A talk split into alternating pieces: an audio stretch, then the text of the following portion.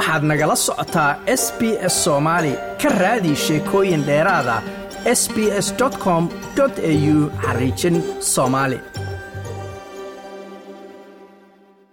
warbixin cusub ayaa muujinaysa in australia oo dhan sannadkii la soo dhaafay ay aad hoos ugu dhaceen dhakhaatiirta dadka lacag la'aanta ku arka ama isticmaala nidaamka loo yaqaano balk billing oo ah in lacagta ay bixiso midikeerku waxaa warbixintan lagu ogaaday in in ka yar mid ka mida afartii rug caafimaadba ay bukaanka ku arkaan qarashka dowladdu bixiso.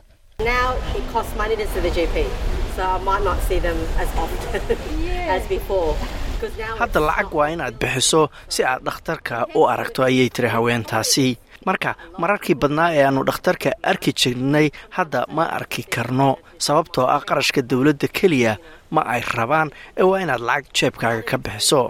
Haweenay labaad ayaa tiri markaa loo barbardhigo wakhtiyadii hore hadda waa inaannu jeebkayaga ka bixinno afartan doolar oo mararka qaarkood aad u bixinayso inaad dhakhtarka arrimo yar u aragto. Waa qarash badan marka aad dhowr jeer dhakhtarka aragto. Dad badan oo australiyaana ayaa dhib badan kala kulma sidii ay u heli lahaayeen dhakhtar lacag la'aan bukaanka ku arka. Nidaamka loo yaqaano balk billing waa marka dhakhtarku bukaanka uusan lacag ka qaadin ee taa beddelkeeda midhikeerka uu ku dallaco qarashka marka bukaanka lacag lagama qaado marka ay dhakhtarku arkaan haddii ay isticmaalaan nidaamkaasi balk bilinka la yidhaahdo laakiin taas macnaheeda ayaa ah in dhakhaatiirtu ay aqbalaan qarashka midhikeerku bixiyo oo ay wakhti dheer ku doodayeen inuu aad u yaryahay oo uusan dabooli karin qarashaadkooda. Warbixin cusub oo ay diyaarisay hay'adda loo yaqaano clean bill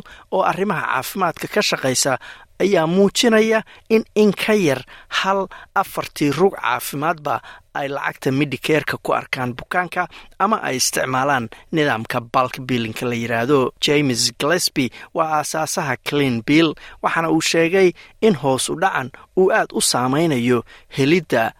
dhakhaatiir dadka daaweysa waxa ugu weyn ee aan warbixintan ku ogaanay waa markaa loo barbardhigo wakhtigii hore. waxaan aragnay in kow iyo toban boqolkiiba ay hoos u dhaceen dhakhaatiirta aan lacagta ka qaadin bukaanka. Intii u dhexaysay bilowgii iyo dhammaadkii sannadkii waxaana tiradaas mas'uul ka ah in shan boqol iyo afar iyo toban ruga caafimaad oo ay bilaabeen inay lacag ka qaadaan bukaan kasta oo iridooda ka soo gala waana isbeddel weyn oo aan la ogolaan karin inay sii socota ayuu yidhi master glesby inta la diyaarinayay warbixintan waxaa lala xiriiray in ka badan lix kun iyo siddeed boqol rugo caafimaad oo australia oo dhana. Waxaana lagu ogaaday in dhakhaatiirta bukaanka ku qaabila lacagta midhikeerka ama balka biilinka ay hadda tahay oo keliya labaatan iyo afar dhibic labo boqolkiiba celcelis ahaan farqiga uu qofka bukaanka jeebkiisa ka bixiyo marka ay dhakhtarka booqdaan waa ku dhowaad afartan iyo laba doolar gobollada new south wales a c t iyo tasmania ayaana ugu qaalisan ama lacagta ugu badan ay bukaanku jeebkooda ka bixiyaan new south wales ayaase ugu badan dhakhaatiirta aan lacagta ka qaadin qofka bukaanka ah oo soddon iyo toddoba dhibic laba boqolkiiba baalka biilinka ayay weli sameeyaan. Victoria tiradaasi waa labaatan iyo afar dhibic sideed northern territory waa sagaal iyo toban dhibic shan boqolkiiba queensland waa toddobiyo toban dhibic lix boqolkiiba south australiana kow iyo toban dhibic saddex. Halka west australia ay ka tahay toban dhibic saddex boqolkiiba a c t na waa saddex dhibic afar boqolkiiba tasmania ayaase ugu daran oo in ka yar hal boqolkiiba rugaha caafimaadka ayaa bukaanka ku arkaa qarashka midhikeerka ama balk biilinka master glesby ayaa sheegay in qarashka ku baxa rugaha caafimaadka ee deegaanada baadiyaha uu qarashku aad u sarreeyo goobaha baalka biilinka sameeyana ay aada u yaryihiin afhayeenada caafimaadka u qaabilsan xisbiga mucaaradka ann raston ayaa sheegtay in helidda dhakhaatiirta baalka biilinka sameeya oo yaraaday ay markiiba culays dheeraada saarayso hay'adaha ama qaybaha xaalada deg dega ee cisbitaalada ama emergency departmentska waxaa la yidhaahdo miss raston ayaa sheegtay in loo baahan yahay in tallaabo deg dega la qaado oo arrintan wax looga qabanayo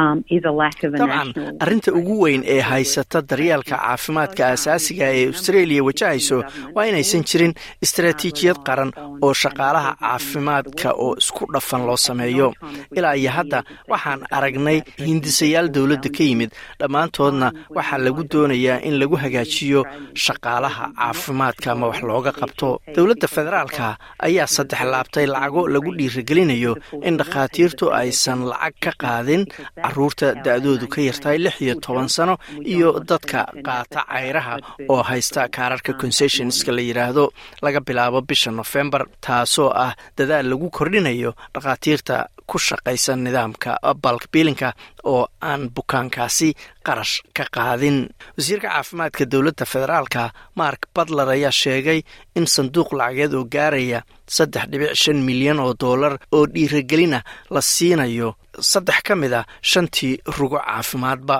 Inkasta oo warbixintan cleanbill ay daboolaysa oo keliya intii dowladda albanisi ay xafiiska timid maer badler ayaa sheegay in maamulkii hore oo dowladdiisa ka horreeyey ay leedahay eedda ah in dhakhaatiirta bukaanka aan lacag ka qaadin ama isticmaalo balka biilinku ay yaraadaan. Wuxuu sheegay in tobanaano sano oo lacagta ku baxda caafimaadka la yaraynayay iyo dayac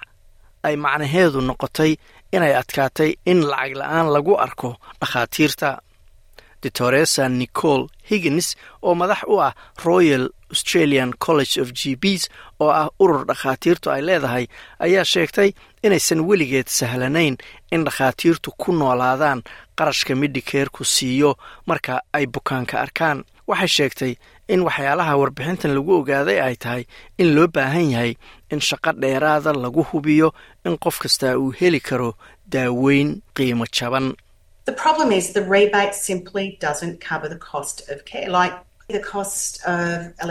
dhibku waxa weeye lacagta midhikeerku siiso dhakhaatiirta ma daboolaysa qarashyadooda sida kan korontada mushaarka caymiska iyo waxyaalaha la midka. Waxaana markaas qarashaadkaasi la saarayaa bukaanada